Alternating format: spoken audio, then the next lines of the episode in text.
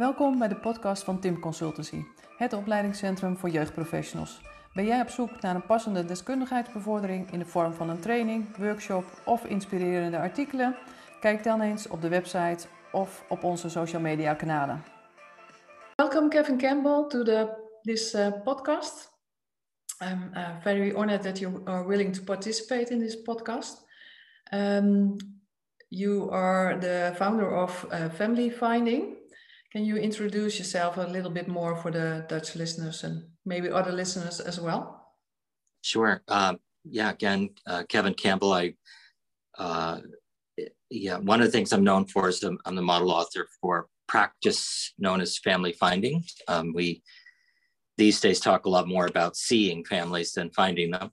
Yeah. And and I uh, work uh, independently as a uh, consultant, largely with governments around the world, mm-hmm. uh, Western democracies for the most part, and um, have been as and and that's really part of uh, research. I want to learn more about the implementation of strong family engagement and highly participatory practices in child protection and children's mental health. And I previously had been an executive leader um, in a, in several private agencies in my career and um, child protection related um, foster care, residential care, um, wraparound work.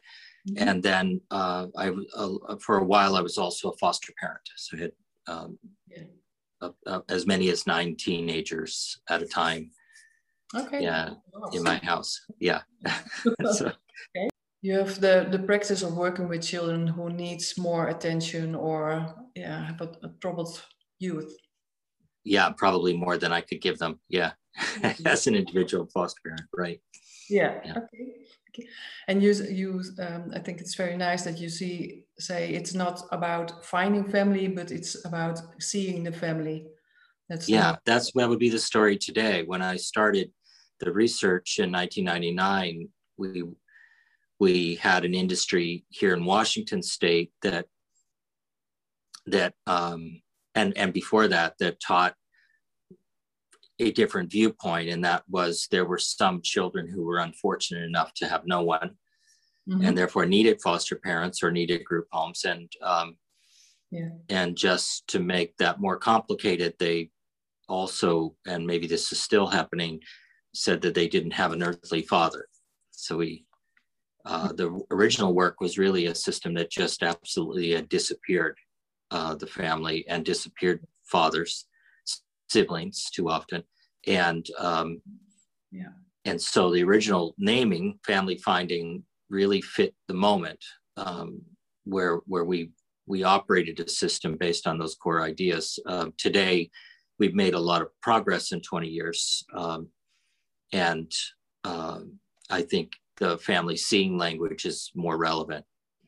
Yeah, yeah. And what motivated you to um, make sure that the family is involved even when it's not going well at, at the home? Well, the, the original uh, motivation wasn't about families. It was uh, mentioned I was a foster parent for primarily teenagers. Mm-hmm. And around uh, the end or the end of the last century, the beginning of this one, um, we were beginning to see research um, come back to us that mm-hmm. was a bit more longitudinal. It sort of showed us what happened to these older youth who grew up in care, yeah. or for some part of their growing up were in care, and then left um, on their own. We we call it in the United States aging out. Um, in some places it's called care leaving. Yeah. And we began to see the research come back about how uh, how terrible the life course results were for them. And so what I was really interested in was um, how do we, you know, how do we change that trajectory? And mm-hmm. one, um, again, the, the and not it wasn't certainly just my view, but it was it was a general view at the time around around the year 2000 that um, yeah. that one way to change that was to get kids a permanent parent, something we call permanency. Mm-hmm. And the um, but the problem I saw with older teenagers that I worked with is that that permanency outcome was was remained very unlikely for older kids. It happened a lot for very young children, but for older kids, it was rare. Yeah. And what I was interested in was um, how do we improve the permanency outcomes for these young people so that they might be less likely to go on to homelessness and, and, and repeating the cycle of involvement with the system. And um, I actually came up with a very particular, uh, there, there was a view at the time uh, that I think is why we said kids had no one. And that was that um, we tended to equate the families, including the extended families of children in care, mm-hmm.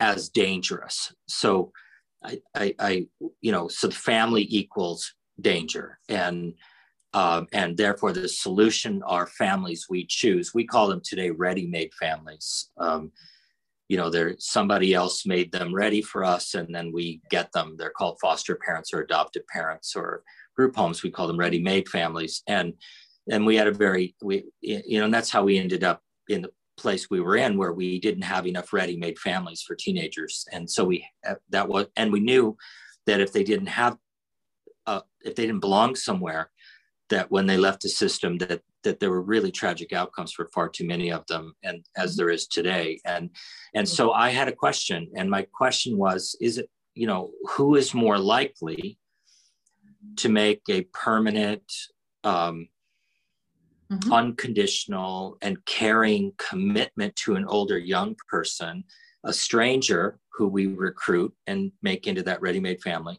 mm-hmm. or a family member or mm-hmm. someone in the community who knew this child and had a relationship of affection with them, who would be more likely to keep that commitment? And that was really what was on my mind at the time was answering that question.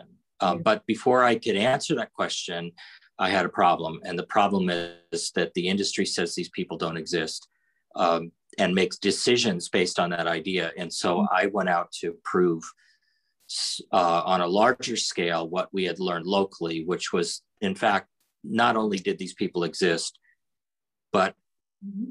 not, in fact, we've learned this through independent evaluation.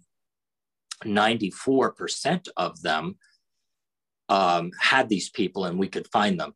Um, and what was really interesting is some of these young people uh, these adults we found never even knew they existed and didn't meet them until they were 18 or 20.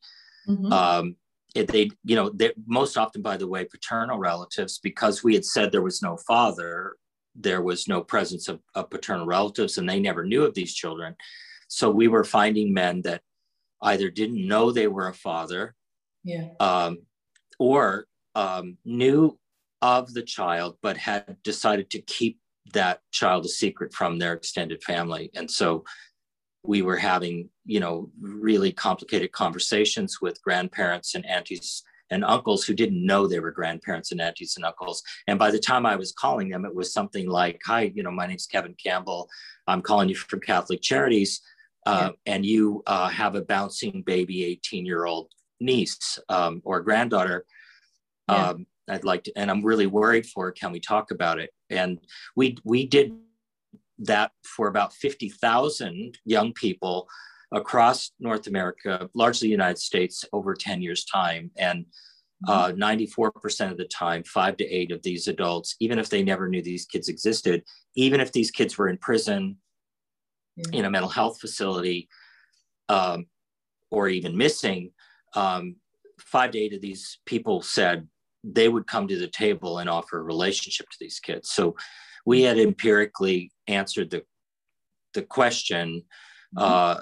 uh, uh, on whether, as to whether or not these people, um, these children, young people, had family or not. They all did. Um, and 94% of the time, we could uh, get five to eight of them to come forward. And that was the family finding piece. Yeah. Um, it's a story. very high number, 94%. That's 94% is what is what Child Trends reported. They did the majority of the evaluations. Yeah. Yeah. yeah. I think we always uh, still do a very poor job in involving uh, fathers with um, the care that we give. We yeah, well, we still we still we still struggle. Um, mm-hmm.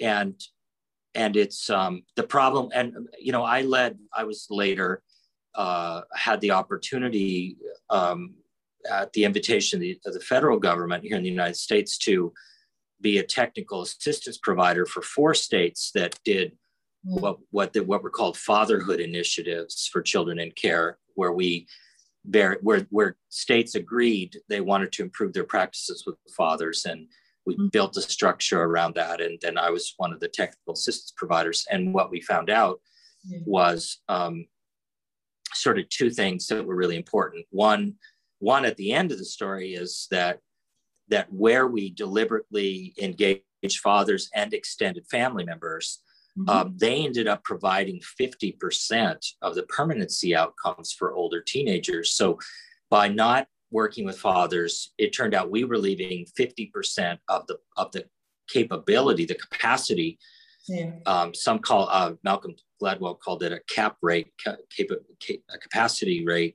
We were leaving 50% of the cap rate off the table by ignoring fathers and their extended families. So they would and did come forward, and they would and they did become permanent parents for half these kids. So that was that's a big deal. Yeah. Um, because we continue to operate systems with far too many older children who um, languish in care and then go on to repeat a cycle in our society. And so that that was a big deal. The, the second thing that we learned that was really important was a little bit more about why. Uh, why, why have we done that? Why do we do that? And um, if uh, and I want to acknowledge uh, I t- tend to try to avoid sort of being gendered in my thinking and talking, but I'm going to be gendered a bit about one of the things that we learned, and that is that um, a, a, a, very large proportion of the people who are professionals in the child protection system are women, about uh, over 80%.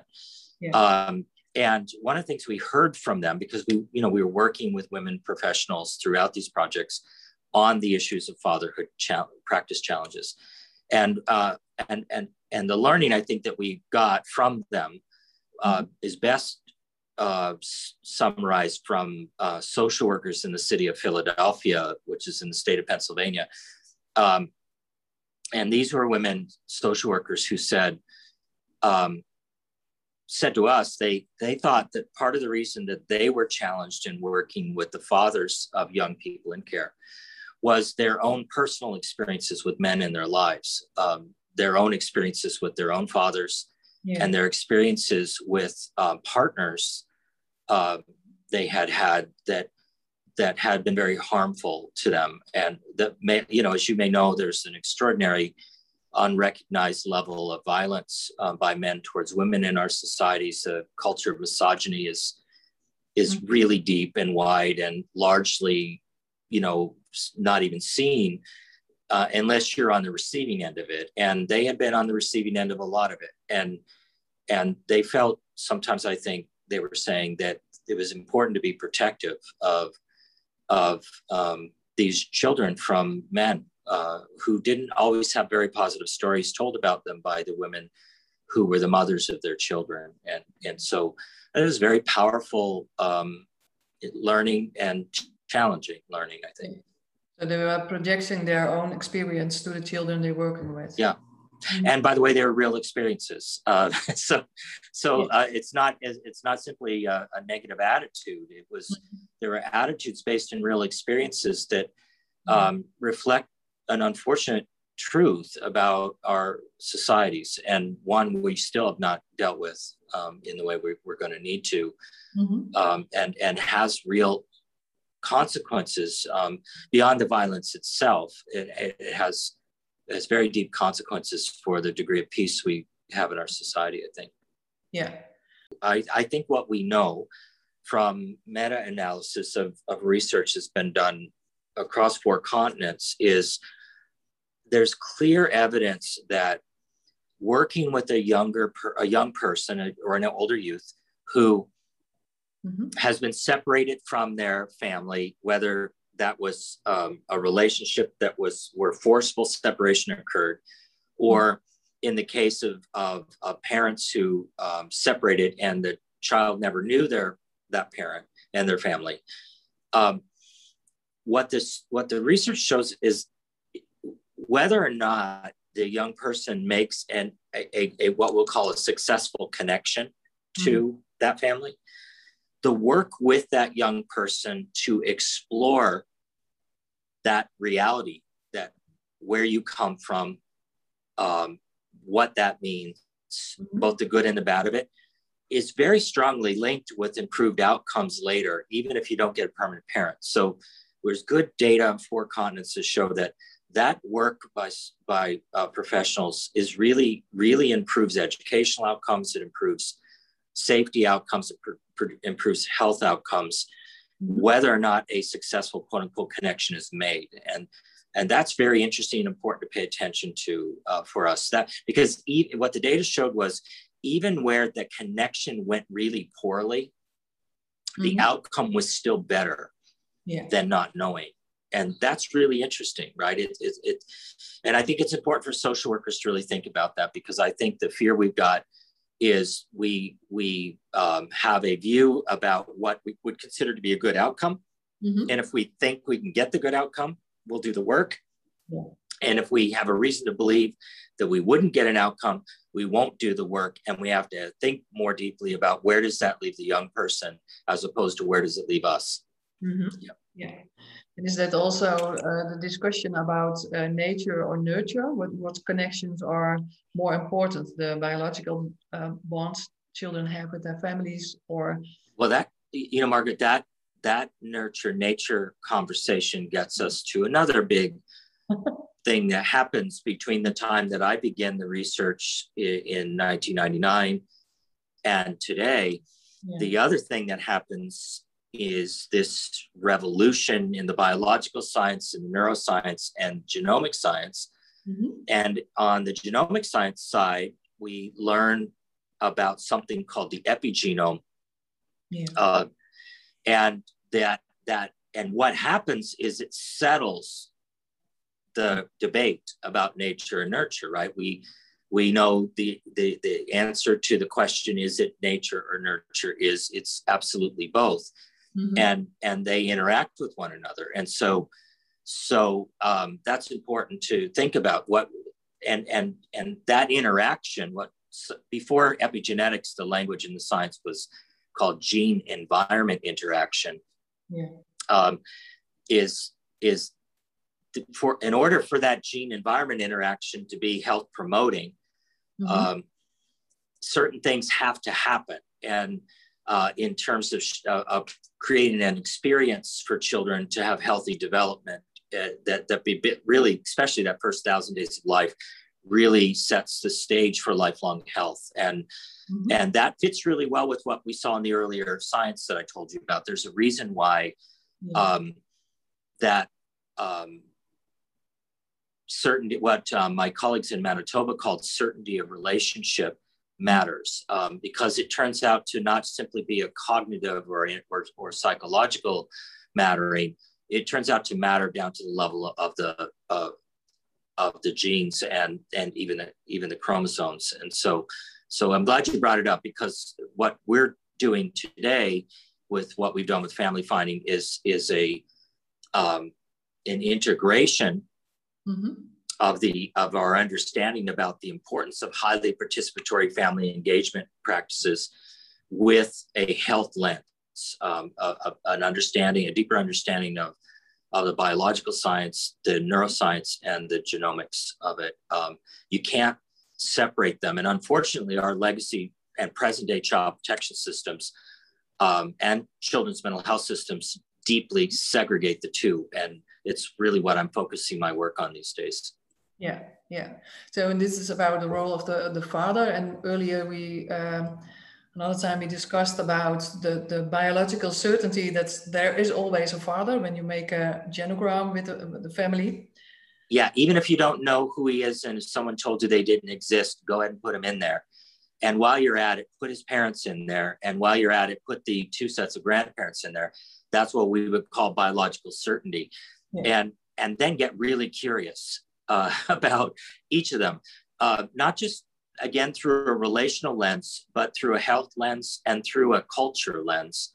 Mm-hmm. Um, and a linguistic lens um, and a faith lens. There's a lot there. Um, I think about uh, uh, uh, again, I I talk about bumper stickers a lot because people in America like to stick them on their expensive cars.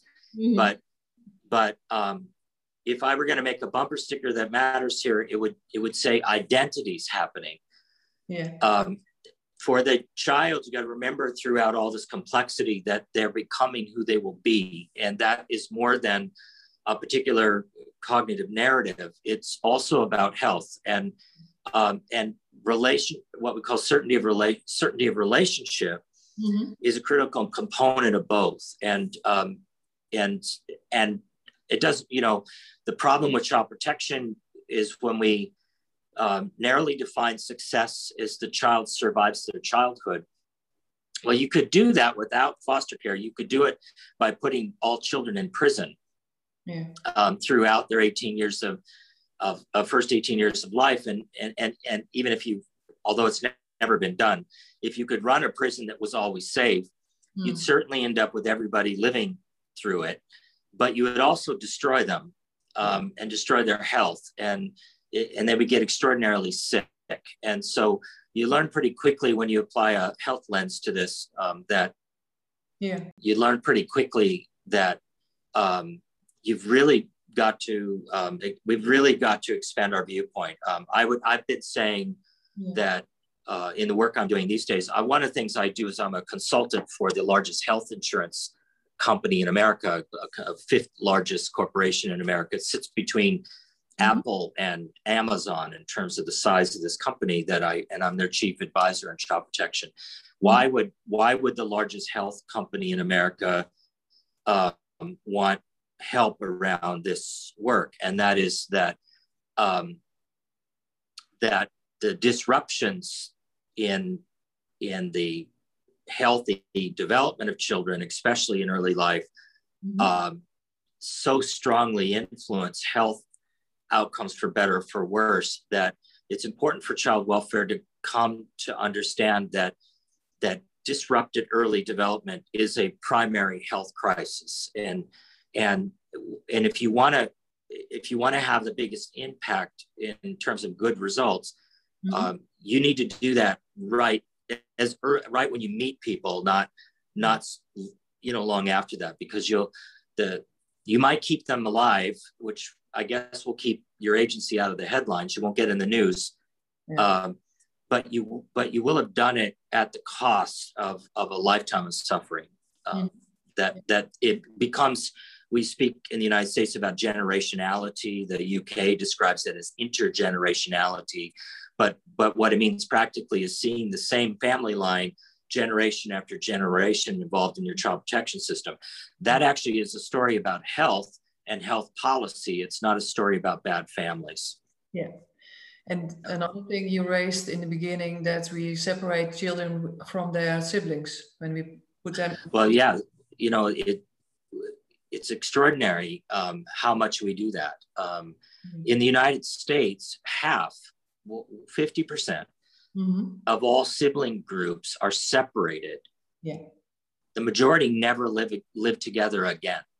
Mm-hmm. Um, and that becomes an everyday decision on Friday night at 4.30 yeah. when you don't have uh, enough placement beds for kids. And that everyday experience for the child protection professional is a lifetime experience for children who are in sibling groups. It's it's devastating.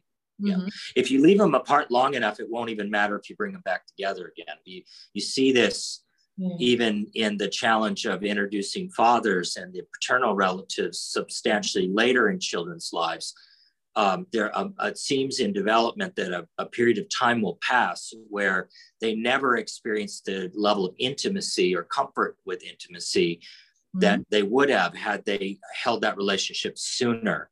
And um, you see this, you learn a lot about this working with adoptees um, who were separated early uh, in life or maybe never even lived with their uh, first parents, who then, then search for their first families as adults. And what you see in the narratives from these people is that they they live in a in, in, in, in oh, maybe not all of them, but many of them live in a perpetual state of grief because they recognize how other sibling groups are with one another and how important they are and yet they can never attach to the intimacy that they observe in other people. And that that intimacy has to do with disruptions in development and identity. And um, effectively it seems people have a hard time capturing it. if i could just give you a quick uh, beautiful story about that that captures it that i learned in canada with a woman who's an adoption professional. She's a, a, a, a woman from a, from the First Nations uh, Cree. The Cree Nation are uh, Aboriginal people in Canada who, mm-hmm. um, you know, were deeply affected by colonization. And um, during the 1960s, she was born. Uh, she's about my age, and um, she um, was a, uh, a, a, victim of something in child welfare in North America called the 60s scoop. Um, they took women, uh, they took babies forcibly from indigenous women and basically sold them to white families mm-hmm. as a way not only to rescue those children from, from the misfortune of being indigenous, but also as a way to yeah. be, to end the existence of these tribes and not have to deal with them anymore. And mm-hmm. she was one of those children. And she went on to become a social worker as an adopted person, um, raised in a white dominant culture family, and um, ended up being an adoption advocate in child protection. Mm-hmm. And she carried out her own search for her Indigenous family as a middle aged adult. And she met them, she found them. Yeah. Um, and she went back to her Indigenous um, res- uh, Indian reserve mm-hmm. and got and, and, and kept returning there over time trying to build that cultural connection and family relationship. And mm-hmm. she, the story she tells is she went to a family, a large family gathering on the reserve um, and received what is normally a really important and is an important honor in Indigenous culture, which was being given a name by her Indigenous tribe. Um, and uh, here's the name that they gave her and it stands afar watching. Okay. And she asked the question of the of the elders who gave her this name, stands afar watching. Mm-hmm. Well, why did you choose that name? And they said, well, we've as we've known you visiting us, um, you you always stand away, and you don't join in. And it's a powerful real life story of what I'm talking about. We see adoptees, people raised in care, separated from their siblings and their fathers and their extended family, and they live this life of what she was called stands afar watching, and it becomes it becomes the way they live their lives, and in that way they live very differently than the majority of people in our societies. Always the feeling that they are on the side of life yeah, and and the feeling is attached to a biology. It, it's mm-hmm. not just a feeling; it's exactly what happened to you. Yeah. Um, we sometimes talk about this not as brokenness, but as as optimization. Mm-hmm. If you are a baby taken from your mother by the government mm-hmm. because your family is seen as dangerous to the society yeah. and given to people seen as safe by the society, um, mm-hmm then your your you your brain may not make sense of that and you may not remember it but the body doesn't forget. And i think of a dutch a wonderful dutch uh, gift to america and the world by the name of bessel van der kolk mm-hmm. who said the body keeps the score. So you have to understand that these narratives can't simply be seen in psychological terms. They have to be interpreted in a biological sense. It's yeah. optimization. The the, the gene environment interaction that we today called epigenetics is yeah. really about optimization. And the body does it is a perfect uh, record of, of a life lived. And it then shapes the remainder of the life. And, mm-hmm. and cognition and psychology, psychology are secondary in a sense to the body um, is experience because uh, our, you know, from a evolutionary standpoint, mm-hmm. um, what we are what we are probably the most adapted creature on the planet to do more than any other is make adaptation to survival and we can build survival in the face of injustice and we do um, but it comes at a price. Um, mm-hmm.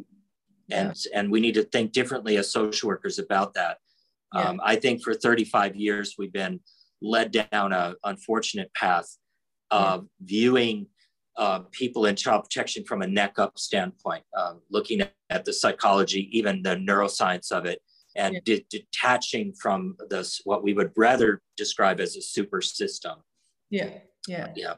And how do you think about the narratives uh, about the stories that children are told about their families? What is the impact of always hearing your your family wasn't good for you they didn't take care of you in the right way or well i mean the impact depends um, I, whether or not you you believed it yeah or whether you didn't believe it because mm-hmm. both define our who we become and how we carry mm-hmm. out patterns in relationships the problem with that narrow viewpoint is it ignores the stress response biology in the body um, and the fact that the stress response biology is more powerful than cognition. And so, even if you, you know, I think about narrative therapists who I actually really like, and I really use a lot of narrative techniques in my work with people.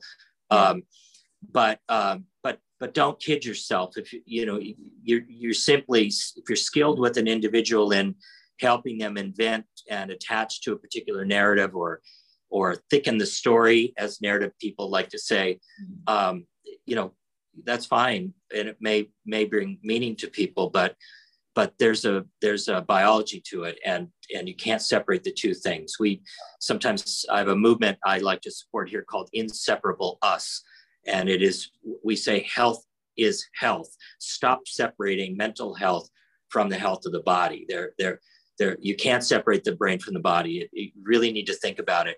And really it's about living a good life with with the optimization that you have. I mean to me what i work at with people and in groups is um, it's it's don't look at look at the view view of brokenness. Look at the view of capability. This person is a a formula one race car. They're made exactly yeah. uh, as they should be for the world they occupy how do you build on that to live a good life? That's mm-hmm. that's really interesting to me. I think it's more aligned with the science i think. Yeah. And how do you go about um, restoring the connections with the family of, seeing family members? What are the, the steps that you have to take? Well the, the key to it is is um, again I, I, I would I would clarify a view, which is mm-hmm. again, we've been deeply affected by psychiatry and psychology. Um, and and and and and its impact on on the evolution of our uh, you know sort of dominant culture mm-hmm. and that dominant culture is the story of the individual but that's not our biology um, and we've been able, especially with technology, we've been able to really drive in a really, really short time frame mm-hmm. this deep claim uh, around individuality, and and really um, even think about health that way. Um, and and and again, health is health, brain and body. Yeah. Um, maybe one could add spirit. Uh, the the point is the first thing that I would do is you do that by bringing people together, not by treating individuals. Um, the only way that this community of people will learn, they will learn and build a way to, to join together is what I call an intentional community and decide what its membership is, is by practicing, by being a community. So my work is after, what I say is uh, after safety, get mm-hmm. to network yeah. um, because and, and, then my integration with signs of safety, which is a model that that I, I felt was important in that group process, mm-hmm. is I would say safety is temporary without healing, and healing happens in the group, yeah. rarely in a therapist's office alone. Uh, so my my approach in child protection, children's mental health would be to be very very quick to mm-hmm. um, bring together. Uh, um, intentional communities and and and stand with them as they confront the problems that face their lives. Uh, that would be a, a simple way to articulate a worldview from my standpoint and what family finding seeks to be about. Mm-hmm. Yeah. So uh, first you're uh, dealing with with safety. You make sure the child is safe, and then you. And I... Well, let me clarify. I it, it's not good enough that the child's safe. Um. That everyone in the community needs to be safe uh, because we can't. We, the body can't change, learn, and mm-hmm. make adaptation through epigenetics when it's under threat. Um, it's going to deal with the threat and the threat becomes the only thing we can deal with if we didn't have that ability mm-hmm. of, of something that um, is called um, in a humans is called anticipatory uh, threat or anticipatory stress if, if, if you can't if, if you can't get past the problem of anticipatory anticipatory stress mm-hmm. um, you'll never be able to join in the community and so uh, I've got to be thinking about the safety of everyone in the group. Um, obviously, as a child protection professional, the child's well-being is the foremost concern. They're the most vulnerable, mm-hmm. um, but it's not good enough to simply think about. Again, that's that individualism that that's so deeply ingrained in child protection and children's mental health is and, and education is the you know the, the the story is always about the child the story is always about the student mm-hmm. um, it's almost never about parents and it's yeah. really never about about the extended family and the culture and but that's that may be the story we tell ourselves in the society but it's not the story the body responds to mm-hmm. um, and so we have to we have to decide which narrative we, we want to attend to is it is it the narrative of an industry or is it the is, is it the foundational truths about about the um, the the evidence we hold around biology, neurobiology, and mm-hmm. and ge- genomics. Um, it's yeah. really important to separate the two things. Um, yeah, I think. Yeah. Yeah. And what do you think um, someone who works at foster care or a social worker can do uh, for the children they're working with? Or the families they can they can ruin their health and send them to an early grave largely um, that sounds like a terrible thing to say but that's not my opinion that is the consensus viewpoint of the longitudinal studies that have been completed mm-hmm. on what actually happens to people who have foster care experiences versus people who go to kinship care versus people that stay with their parent.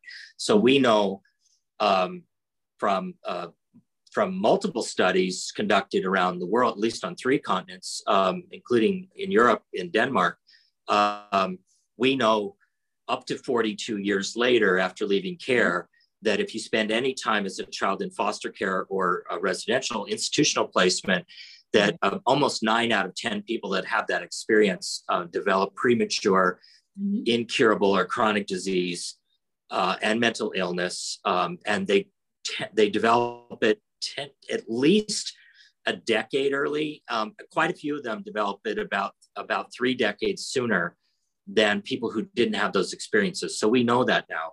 Yeah. Um, it, it w- quite frankly, um, some of that data is really new. Um, the most recent big studies are from Australia and from um, from the United Kingdom, and they weren't released until um, late last year. So, the, mm-hmm. uh, in fairness to the workforce, um, they probably have been too busy to read it. But um, but that doesn't make it untrue. And and um, we're going to have to really it's going to result in a revolution in child protection very quickly because mm-hmm. the the data is absolutely devastating and and entirely contrary to mm-hmm. 400 years of, of, of history around child protection yeah. that's built in a theory of change that we move children from bad people to better people um, the the problem with doing that is the the while it may make sense in some ways and there may be some practical benefit in the short term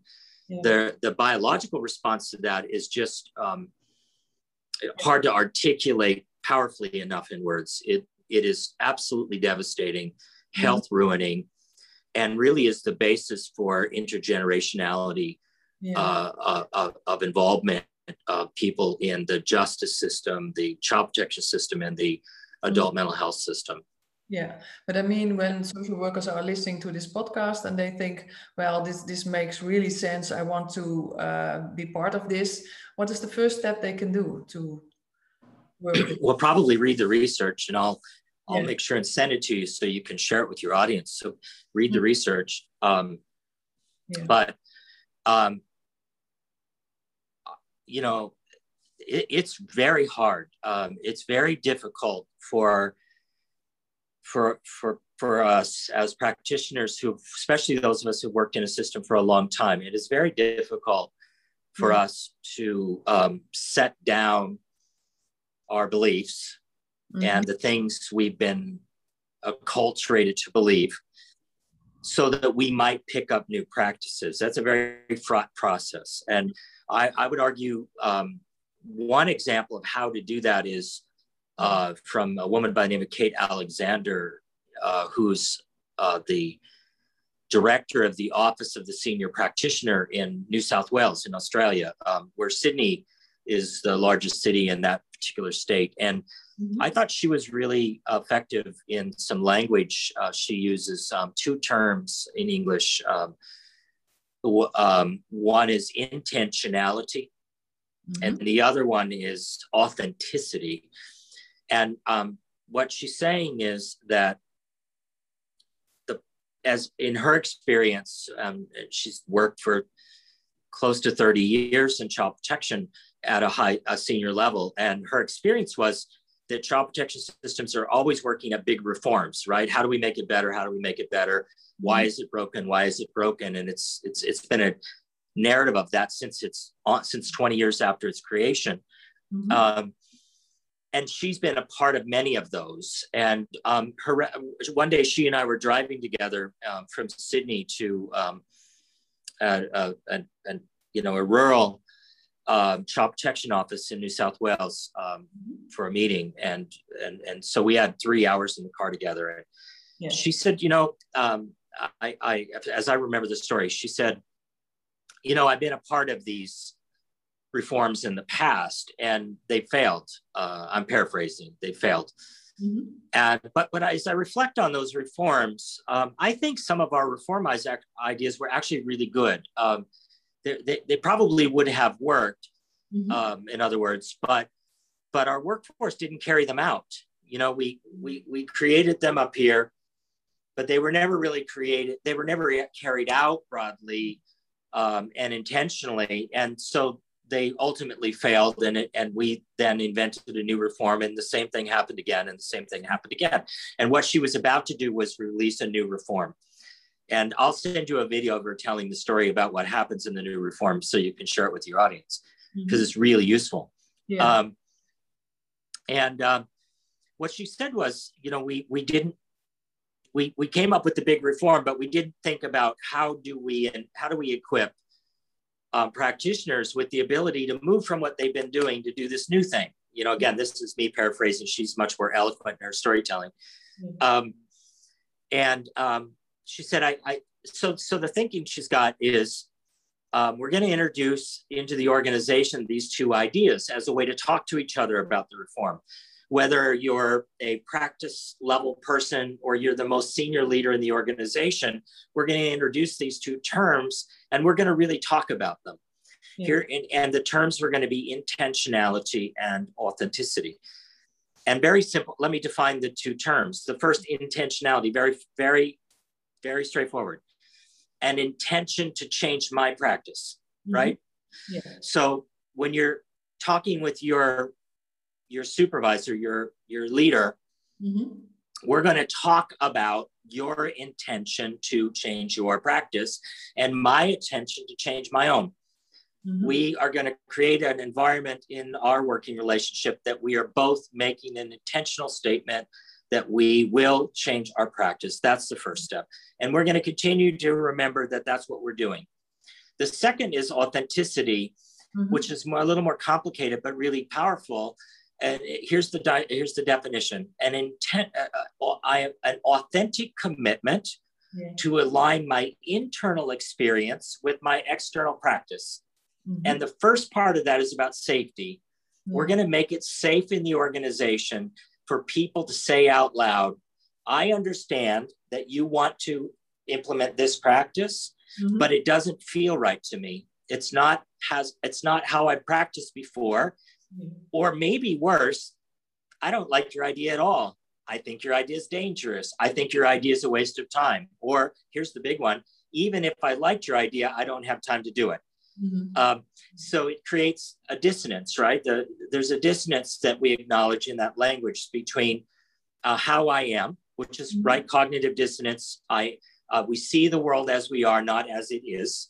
Uh, so I, I I can explore safely. There's a dissonance. There's a disconnect between what you're asking me to do and yeah. how I feel about doing that thing for all kinds of reasons. We're going to make it safe to talk about that. But then that brings us back to the first word intention to change. Here's what you need to understand it's safe to talk about the fact that there's a misalignment between your intention, yeah. um, between your practice and this practice and how you feel about it. But mm-hmm. we are making this change, that we are making it. Yeah. Be assured that mm-hmm. change is ha- happening. And what we will do as an organization, but we need you to do too, is to stay in the conversation about how you get from how you feel right now and how you're practicing right now to both practicing and feeling good about the change that we're making. There's a there's a trip to be made there, and mm-hmm. we're going to make it. And. I think she's really right about that. I, I, I think what that gets to is um, something that I took away from that was that as we think about changing practice, that it can't simply be yeah. um, the um, you know here's the practice do that thing um, as an organization there has to be attention to the individual's experience and so what i would say is that um, the way i say it is that the question for a while cannot simply be mm-hmm. how do i do family finding the more important question may be who will i be mm-hmm. in the family finding yeah. And so you right. make you, you have enough uh, knowledge, you use the research, you reflect on the way you what are your beliefs are. Yes. And that discussion within the organization is very important. yeah, and, and, and in fact, I would add one more thing. It's rigorous. Um, it requires an individually rigorous approach. Um, it simply won't just change.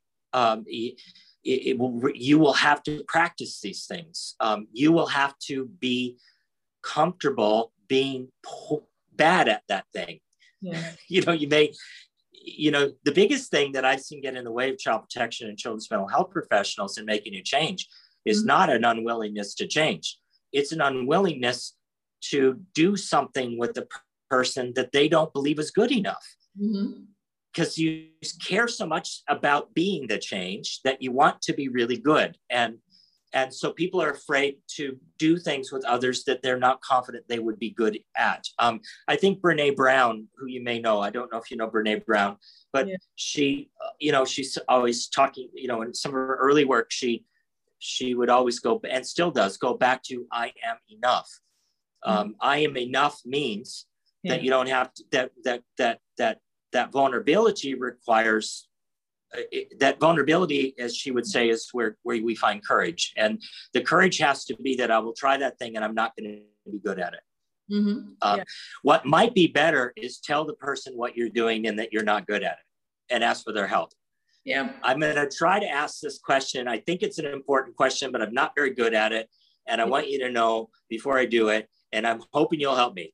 you, yeah, know? you know, so for you or not, or uh, yeah, yeah. So when mom says, um, as sometimes moms do, there is no father. Mm-hmm. Um, well, I want to ask you a follow up question to that, but I'm really uncomfortable and I'm not sure how to say it. Would it be okay if I just try? Mm-hmm. And she says, sure. And then you say, what I think I heard you say is that whoever the father is, your relationship there is so difficult mm. that it's not something you really want to talk to me about right now. Yeah. Is that right? okay. Um, yeah. Well, maybe we shouldn't talk about it now, but we'll do this other thing. But could we come back and talk another time? Yeah. Um, be the sort of person that she'd be willing to talk to about that in a later, but recognize you got to earn the relationship to do it. Yeah. But don't walk away with writing down there's no father and then go to court and testify to it because that would be a lie on both your parts. And children pay the price for it, and so does she.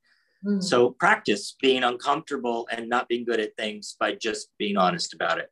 Yeah, that's very, yeah, yeah I think that's very true. And a, a, lot of times people say, I want to change, I believe in this way of working, but there's no time. But, and, and that, and, and let's start with it's really uncomfortable. The but is it's really uncomfortable. Okay. I mean, if you're hearing that from a practitioner you're working with, yeah, then your response ought to be absolutely it's incredibly uncomfortable. I, I, I let me tell you, it was uncomfortable. It's uncomfortable for me too, yeah. but we're doing it um, yeah. we're doing it. So let's talk about how I can walk with you as you do this mm-hmm. thing. And that thing is um, bring the family to the table and do it right now. Mm-hmm. Yeah. Um, don't wait three months.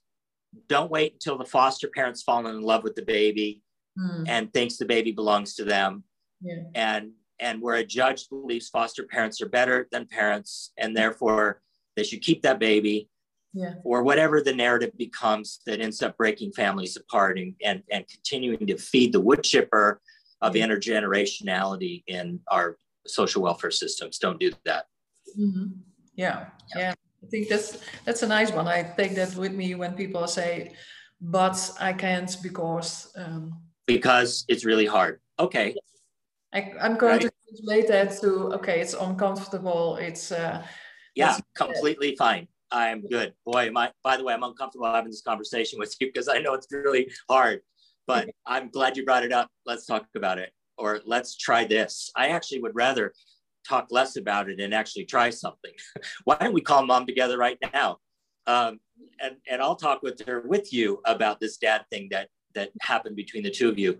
But I, in fact, that would be better. Let's not process the feelings too much. Let's get to the action. We call it move to action, move to action, move to action. Yeah. Um, there's nothing that builds confidence more than mm-hmm. practice. Yeah. There's the reason why we call it practice, by the way, in English. Yeah. and I'm sure you have a word for it in Dutch. It means keep doing it. Mm-hmm. Absolutely. Yeah. And I think yeah. it's strange from parents, we expect they have to change things and they have to learn and, and everything. And when we as workers have yeah. to change, we think, no, it's hard. It's too difficult. I'm not going to do that. I uh, keep doing yeah. this. Yeah. yeah. it's a great point. It's a great point. I uh, I don't think we think deeply enough about what we are actually asking people to do. Mm-hmm. Um, and prob- and I've often said there probably is no harder thing to ask another human being to do mm-hmm. than to change the way they live. Yeah, which is exactly what we're doing. Mm-hmm. Um, and when you know, let's think about changing the way we live and how well that's gone. Mm-hmm. Um, and, and, and remember that that's in fact what the job is. Yeah. Yeah. Yeah, absolutely. It's very hard. Yeah. Um, I'm looking at the time. It's uh, yeah. running It's uh, oh wow, that was fast. Yeah, absolutely. Is there something uh, you still want to mention? What what? Um, you... I uh, can I just say, in the face of the science, which people can read and learn about and watch films, I'll send them to you, as I said, and you can share them. Mm-hmm. Uh, I just want to challenge one thing, and that is the notion in English we call of incremental change. Mm-hmm. Um, this is not a time for incremental change. This is a time for a um, radical leap mm-hmm. forward um, because I'm absolutely convinced that everyone who watches or listens to this interview mm-hmm. came here to do good for people and themselves and their community. And the problem is, our system is not simply broken because it doesn't work institutionally. Mm-hmm. It's broken because it is health ruining for almost everyone it touches on. Mm-hmm. And where we had a, a, a, a, what I would call a philosophy, maybe, of the importance of changing a broken system before. Mm-hmm. We don't, my approach is not to think in terms of philosophies. My approach is what is the bedrock evidence your feet stand in? Mm-hmm. And that evidence right now is these these re- re- repeated um, yeah. um, longitudinal studies up to four decades or more into the future mm-hmm. that show um, catastrophic consequences of, of the system we have. Um, that's intolerable. And, I, and why we generally, social workers, don't want to think about intolerance. Um, yeah. There might be a few things we should be intolerant of. And one of them is what is my role in mm-hmm. ruining your health? Um, and I need to I need to get curious about that. I'm not going to wait for my system to decide to get curious about that. I'm going to get serious about it because I'm the one doing it. Mm-hmm. Right? Yeah. So that would be the last thing I would say. Yeah, I hope we see a lot of people doing that and be uh, be strong at that. Yeah. Yeah. I think. Okay. Thank you very much. Um, I'm curious. I do a lot of podcasts the last time, but who do you think I also have to talk with? uh, I would say if you can, because a lot of people I know in the Netherlands respect um, Dr. Bruce Perry. I think Dr. Perry would be wonderful. Um, he can give you a narrative that really supports this, the, the, the treating the body. Mm-hmm. Um, and then I would say um, the other big issue we are struggling with is addiction. Yeah. Um, and um, everything we know about addiction, as been said by a famous book, is wrong. And, uh, and yet it is the thing we face um, uh, nearly in the vast majority of families we work with. And I would say Gabor Mate, um, G A B O R, Mate, M A T E, his famous, one of his famous books, um, In the Realm of the Hungry Ghost. So I would say Mate and Perry, I think, are, if yeah. you can't interview them, read their books um, is what yeah. I would say. Yeah. yeah. Luckily, a lot of people know the books of Bruce Perry. They are, they are very important. I think when you work yeah. with families, with children, you have to read them. They're very important. Yeah. Yeah. And Bruce has a new book out, so be watching for it. Just released um, new book. You can get it on Amazon. He wrote it with Oprah Winfrey. Mm-hmm. Um, a lot of people know that, but um, but, Gore, but Gabor Mate's written a number of books on addiction yeah. Um, and I think they're probably the best books in the world right now. Okay. Well, I do my best to keep uh, to get in contact with them and uh, invite them for the podcast. Thank you. Great. Thank you very much for this uh, very, very interesting conversation. I think you've given us a lot of to think about. So thank you. Yeah, thank you absolutely. Thrilled to do it. Thank you, Margaret. Yeah, thank you. All right. Take care. Okay. Bye. Thank you. Yeah. Dankjewel voor het luisteren naar deze podcast van Tim Consultancy. Hopelijk was het een waardevol gesprek voor je om naar te luisteren. Wil je meer weten over de onderwerpen die we in onze podcast bespreken? Check dan ook onze social media kanalen of de website van Tim Consultancy voor een van onze opleidingen of trainingen. Heel graag tot een volgende keer en een fijne dag gewenst.